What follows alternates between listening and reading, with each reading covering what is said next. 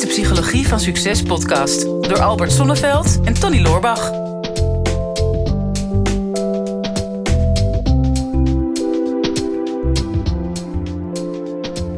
Tony, ja, we hebben nog niet zo heel erg lang geleden een webinar gegeven. En daar hebben we onze doorbraken gedeeld. Ja. En ehm, ja, een van de doorbraken van jou, waar je heel veel positieve reacties op hebt gekregen, was natuurlijk jouw eh 30 dagen lezen challenge. Dat was toch 30 dagen of niet? Eh, zes 30 weken. boeken. 30 boeken. 30 boeken, 30 boeken lezen in zes weken. In zes weken. Ja, En hoe heb je dat in godsnaam voor elkaar gekregen? Want Ja. ja, gewoon dus- door blijven lezen tot je ze uit hebt. Ja, Er was niks moeilijks aan. Ja, nou, volgens mij, eh, want er was een vraag over volgens mij, toch? Van, eh, ja ik heb een paar vragen gekregen daarvoor. En ik denk, die vegen we eigenlijk allemaal op één hoop. Want het ging heel erg over deze challenge. Van hè, hoe, eh, hoe pak je dat aan? En ehm, meer eigenlijk van, heb je ook sneller leren lezen? Of hoe zou ik sneller kunnen leren lezen? Want ik heb dat toen samen met mijn broer gedaan.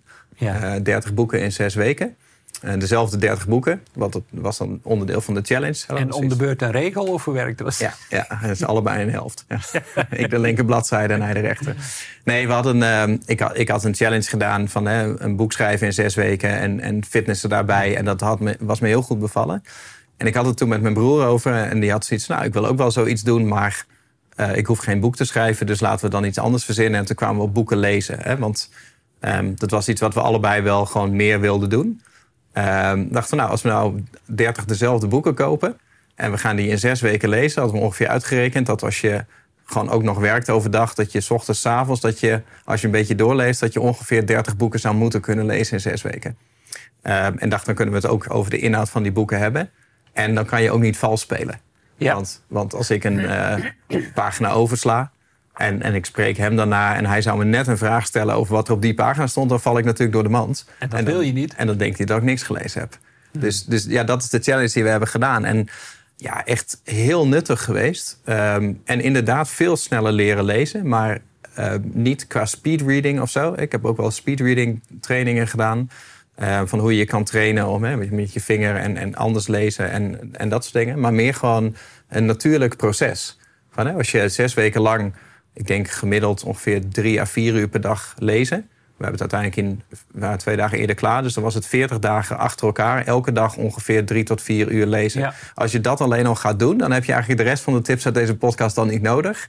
Ja. Want dan, ehm, dan ga je al aan jezelf leren van wat is mijn leesproces? En wat verandert er aan mijn leesproces en aan mijn leessnelheid als ik bepaalde dingen in mijn bioritme of in mijn, in mijn proces verander? Vind ik wel eh, fascinerend dat je zegt eh, 40 dagen. En eh, ik, ik kom nogal eens in, in, in wat spirituele boeken eh, die 40 dagen tegen. Dat, dat fascineert me dan. Hè, want eh, Jezus ging 40 dagen eh, de woestijn in. Eh, Uiteindelijk zeggen ze dat eh, toen eh, de zonvloed kwam... Noach met zijn ark 40 dagen op eh, de zee dreef... voordat hij op de berg Ararat terecht kwam. Ehm, er zijn ehm, bepaalde eh, bevolkingsgroepen die eh, nadat iemand is overleden, 40 dagen daarna nog een feest geven. Omdat ze zeggen dat de ziel ongeveer 40 dagen nodig heeft om helemaal los te komen van de aarde. Dus nou, op een of andere manier, 40 dagen is voor mij altijd iets, iets magisch. En, maar blijkbaar is er misschien. Is dat ook wel de tijd die het brein neurologisch nodig heeft om, om nieuwe verbindingen te maken? Want er is echt iets veranderd. Ook nu nog steeds, als je nu iets leest, lees je waarschijnlijk anders Ja. en meer dan, Klopt. dan voor de challenge. Ja, het is, het is deels natuurlijk gewoon training. Hè? Ik merk dat als je, als je vaker leest, dan ga je al sneller lezen. En als je een tijdje niet gelezen hebt, dan neemt dat weer wat af. Maar een bepaalde basissnelheid hou je wel. Uh, dus dat stuk heb je, dat zit gewoon in je.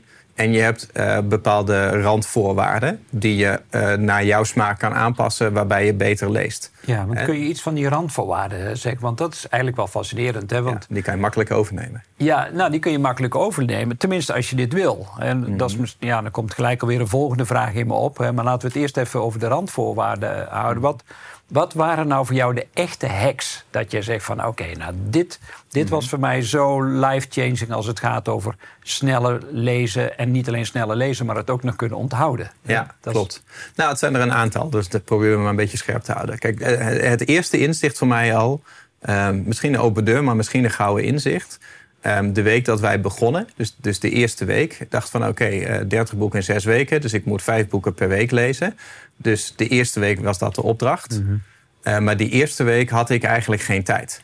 Want ik deed voor mijn business deed ik toen ook nog een grote actie. Dat was een online challenge. Dus ik moest elke dag uh, zes dagen op rij training geven. Dus ik dacht aan het begin van de week van ja, eigenlijk begint deze challenge een week te vroeg. Want ik heb deze week gewoon helemaal volgepakt. Ik heb gewoon geen tijd. Gewoon nul.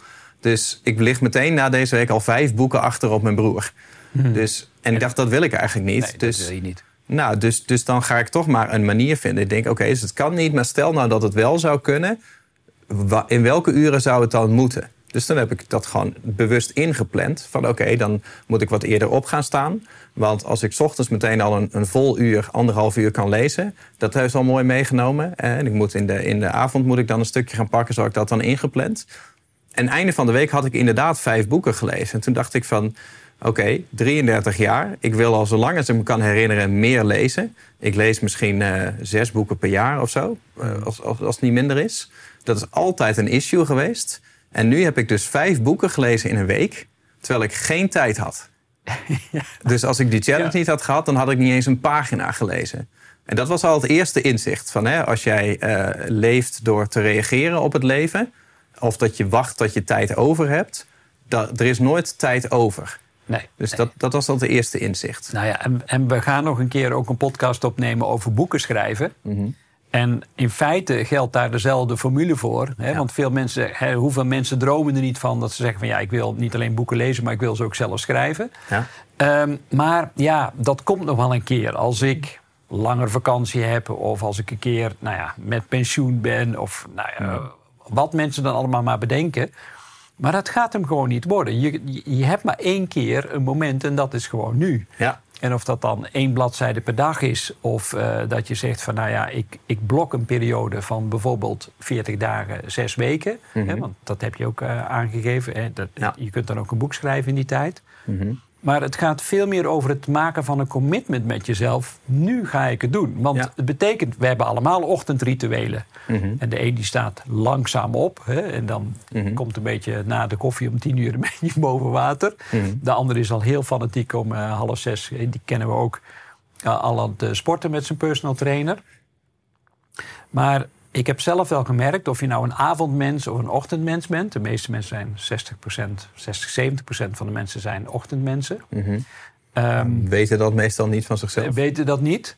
Maar dat komt omdat je die snoesknop eindeloos ge blijft gebruiken. En vaak omdat je de avond ervoor veel te moe bent. Mm -hmm. um, maar als je die discipline al kunt gaan inbouwen voor jezelf, s'morgens uh, als eerste werk. Mm -hmm. En alle andere dingen daarna, ja, dan kan er wat dan ook gebeuren die dag, maar dan heb je die alvast binnen. Ja, nou ja, maar dat is wel interessant. Kijk, ik dacht dus dat ik een avondmens was. Ja. Uh, maar ik kom er steeds meer achter dat ik een ochtendmens ben. Maar dat wist ik niet, want ik was s ochtends nooit wakker. Ja, kan je ook niet ervaren hoe fijn je je dan voelt.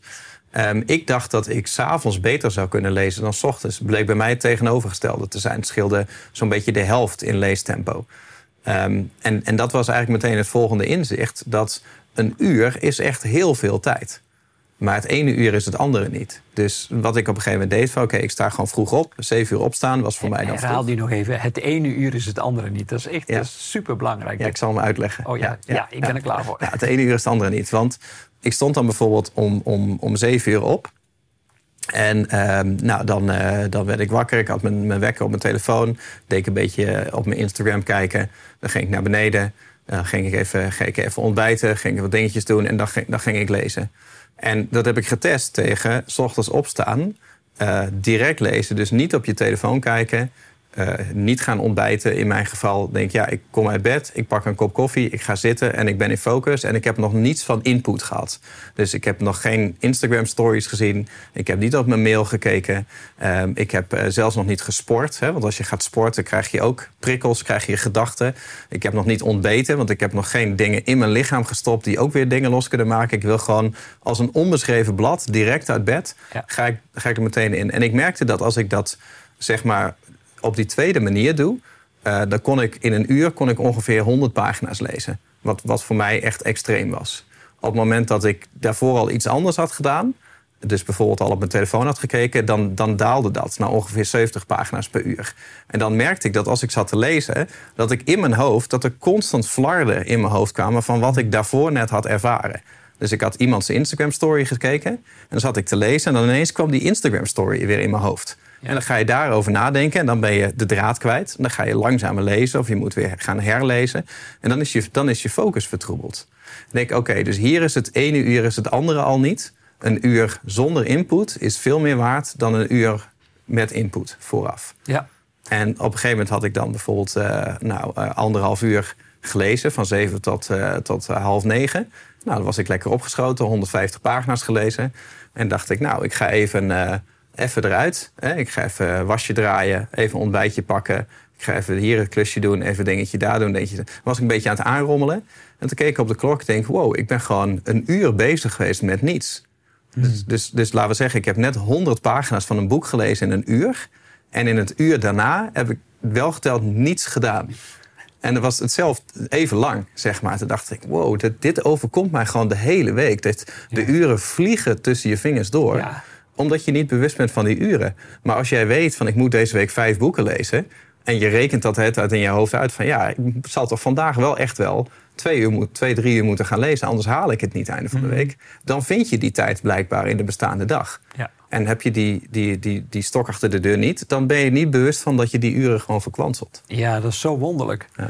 Nou ja, dat is voor mij, uh, voor mij betekent uh, meditatie altijd heel veel. -hmm. uh, hè, want voor mij is mijn dag niet gestart als ik niet eh, kan mediteren. Maar dat is ook altijd het eerste wat ik doe. Mm -hmm. dus, dus wakker worden, gewoon gedisciplineerd mijn mm. kussentje opzoeken. Ja, en, dan, en dan niet het kussentje van het bed, maar mijn meditatiekussentje gaan zitten en mediteren. Ja. En, en dat alleen al geeft, uh, geeft de ruimte. Want als het goed is, heb je s'nachts weer heel veel. Je brein gaat categoriseren, gaat uh, de indrukken van de vorige dag. Uh, in ieder geval weer in, in, verschillende directories en subdirectories zetten.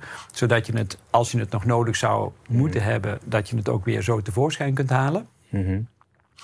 um, maar precies wat je zegt, dan ben je een, een onbeschreven blad. Ja. Nou, stel nou dat er mensen luisteren die zeggen: Ja, dat is allemaal leuk en aardig. Tony en Albert, jullie zijn vrije ondernemers. Jullie kunnen je tijd zelf indelen. Mm. Maar uh, wij hebben jonge kinderen die staan s morgens om zes uur, half zeven.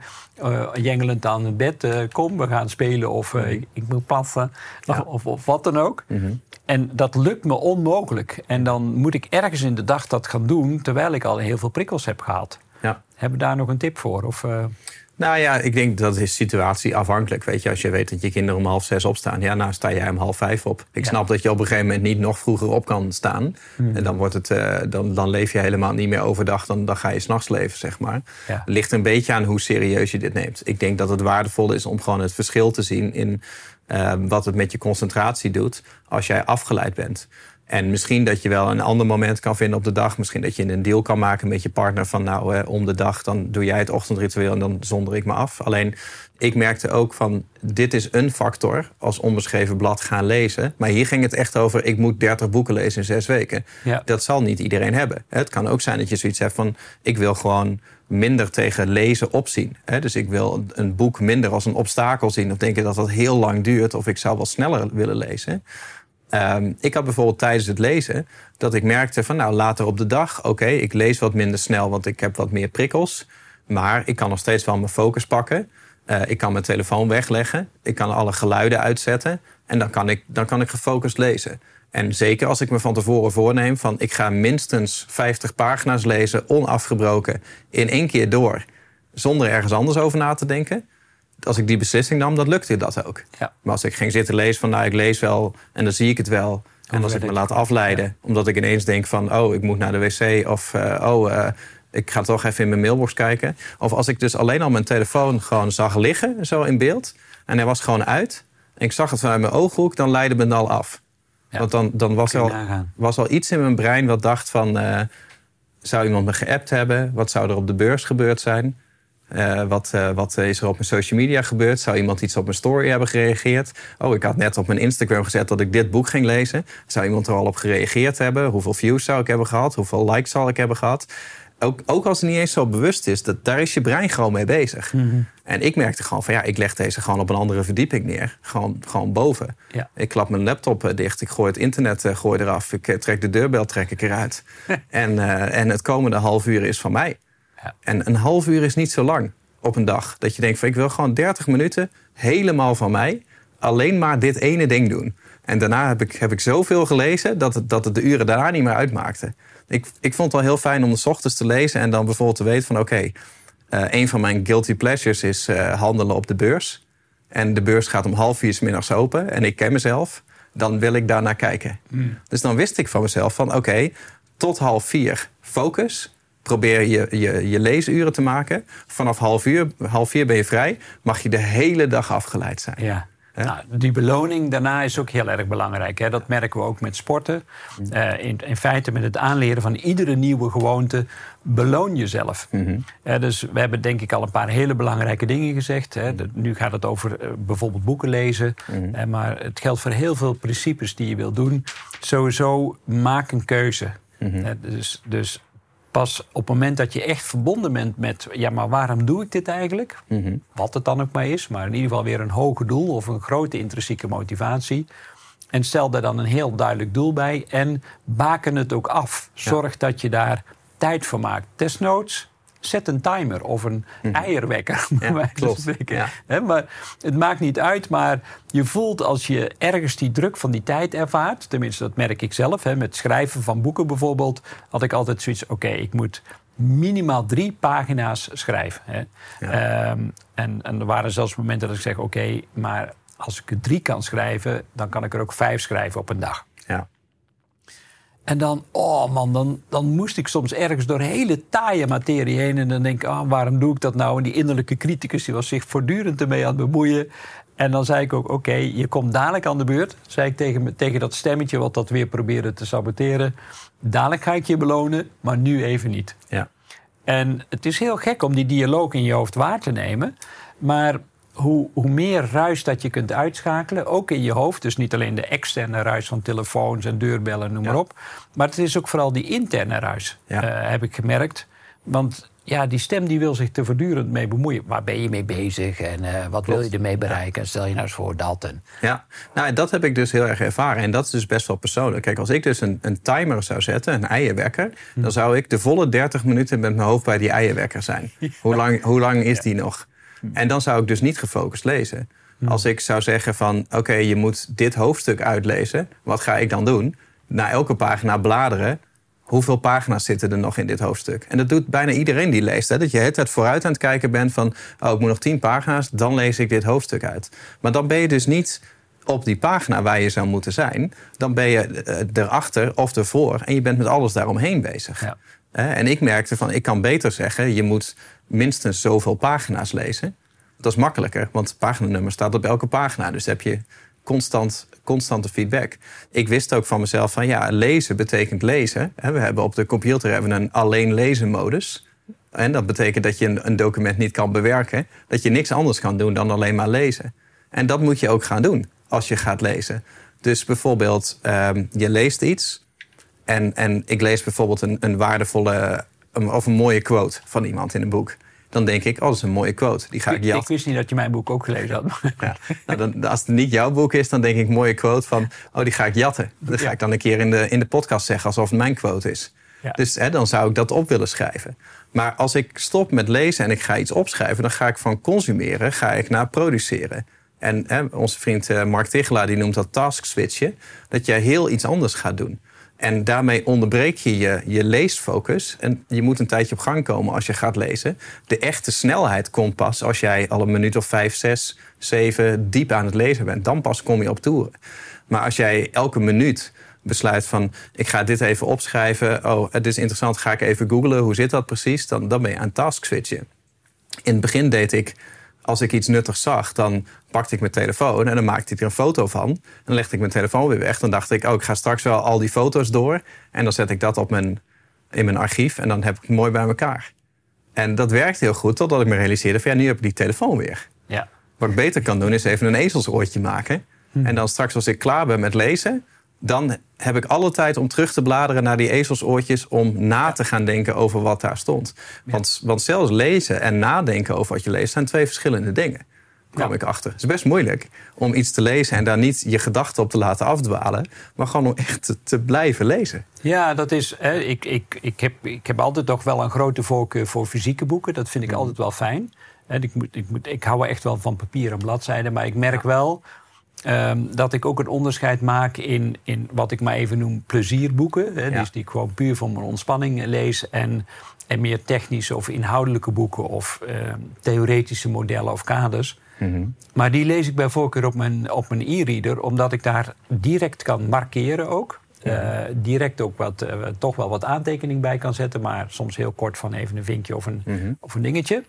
Maar, uh, en dan kan ik ze daarna ook weer heel makkelijk terughalen. Dat is wel het voordeel van, van een e-reader. Kun je ook veel makkelijker documenteren. Ja. Alle highlights kun je daar weer uithalen en daar weer een apart dingetje van maken. Ja. Maar dat doe ik vooral voor het technische stuk. Maar als ik mhm. echt uh, ja, een bepaald onderwerp heb waar ik extreem in geïnteresseerd ben... en dat, mm dat boek dat koop ik dan fysiek...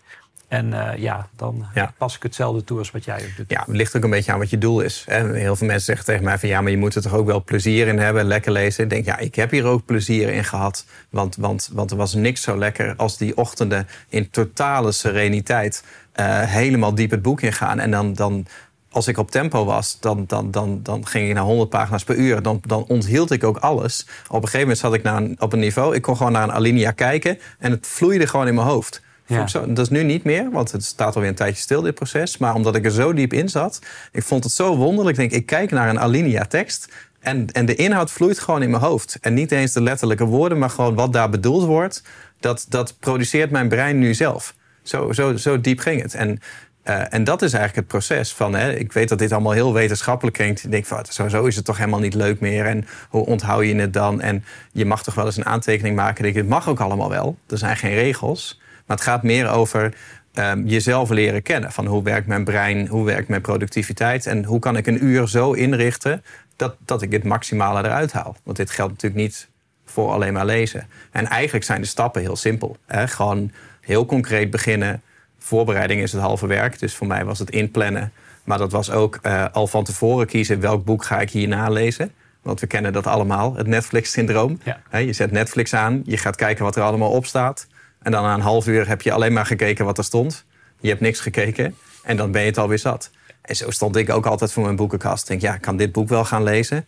Maar misschien is, misschien is wel een ander boek wat misschien nog beter is. En zo vaak lees ik niet. Dus dan durfde ik geen keuze te maken.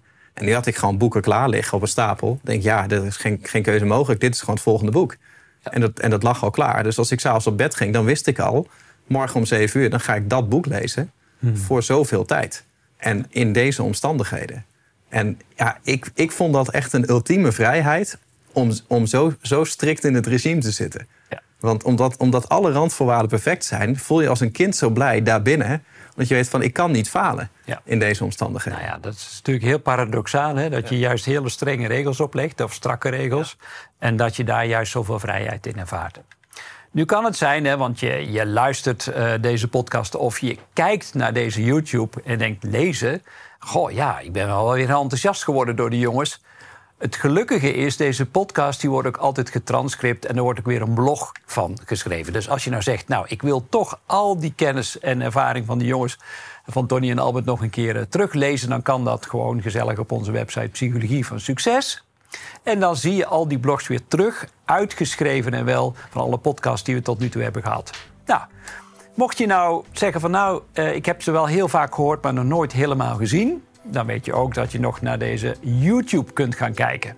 En als je dan helemaal enthousiast bent, vinden wij het ook leuk als je even een duimpje geeft, zodat wij weten dat we het niet voor niets doen vandaag.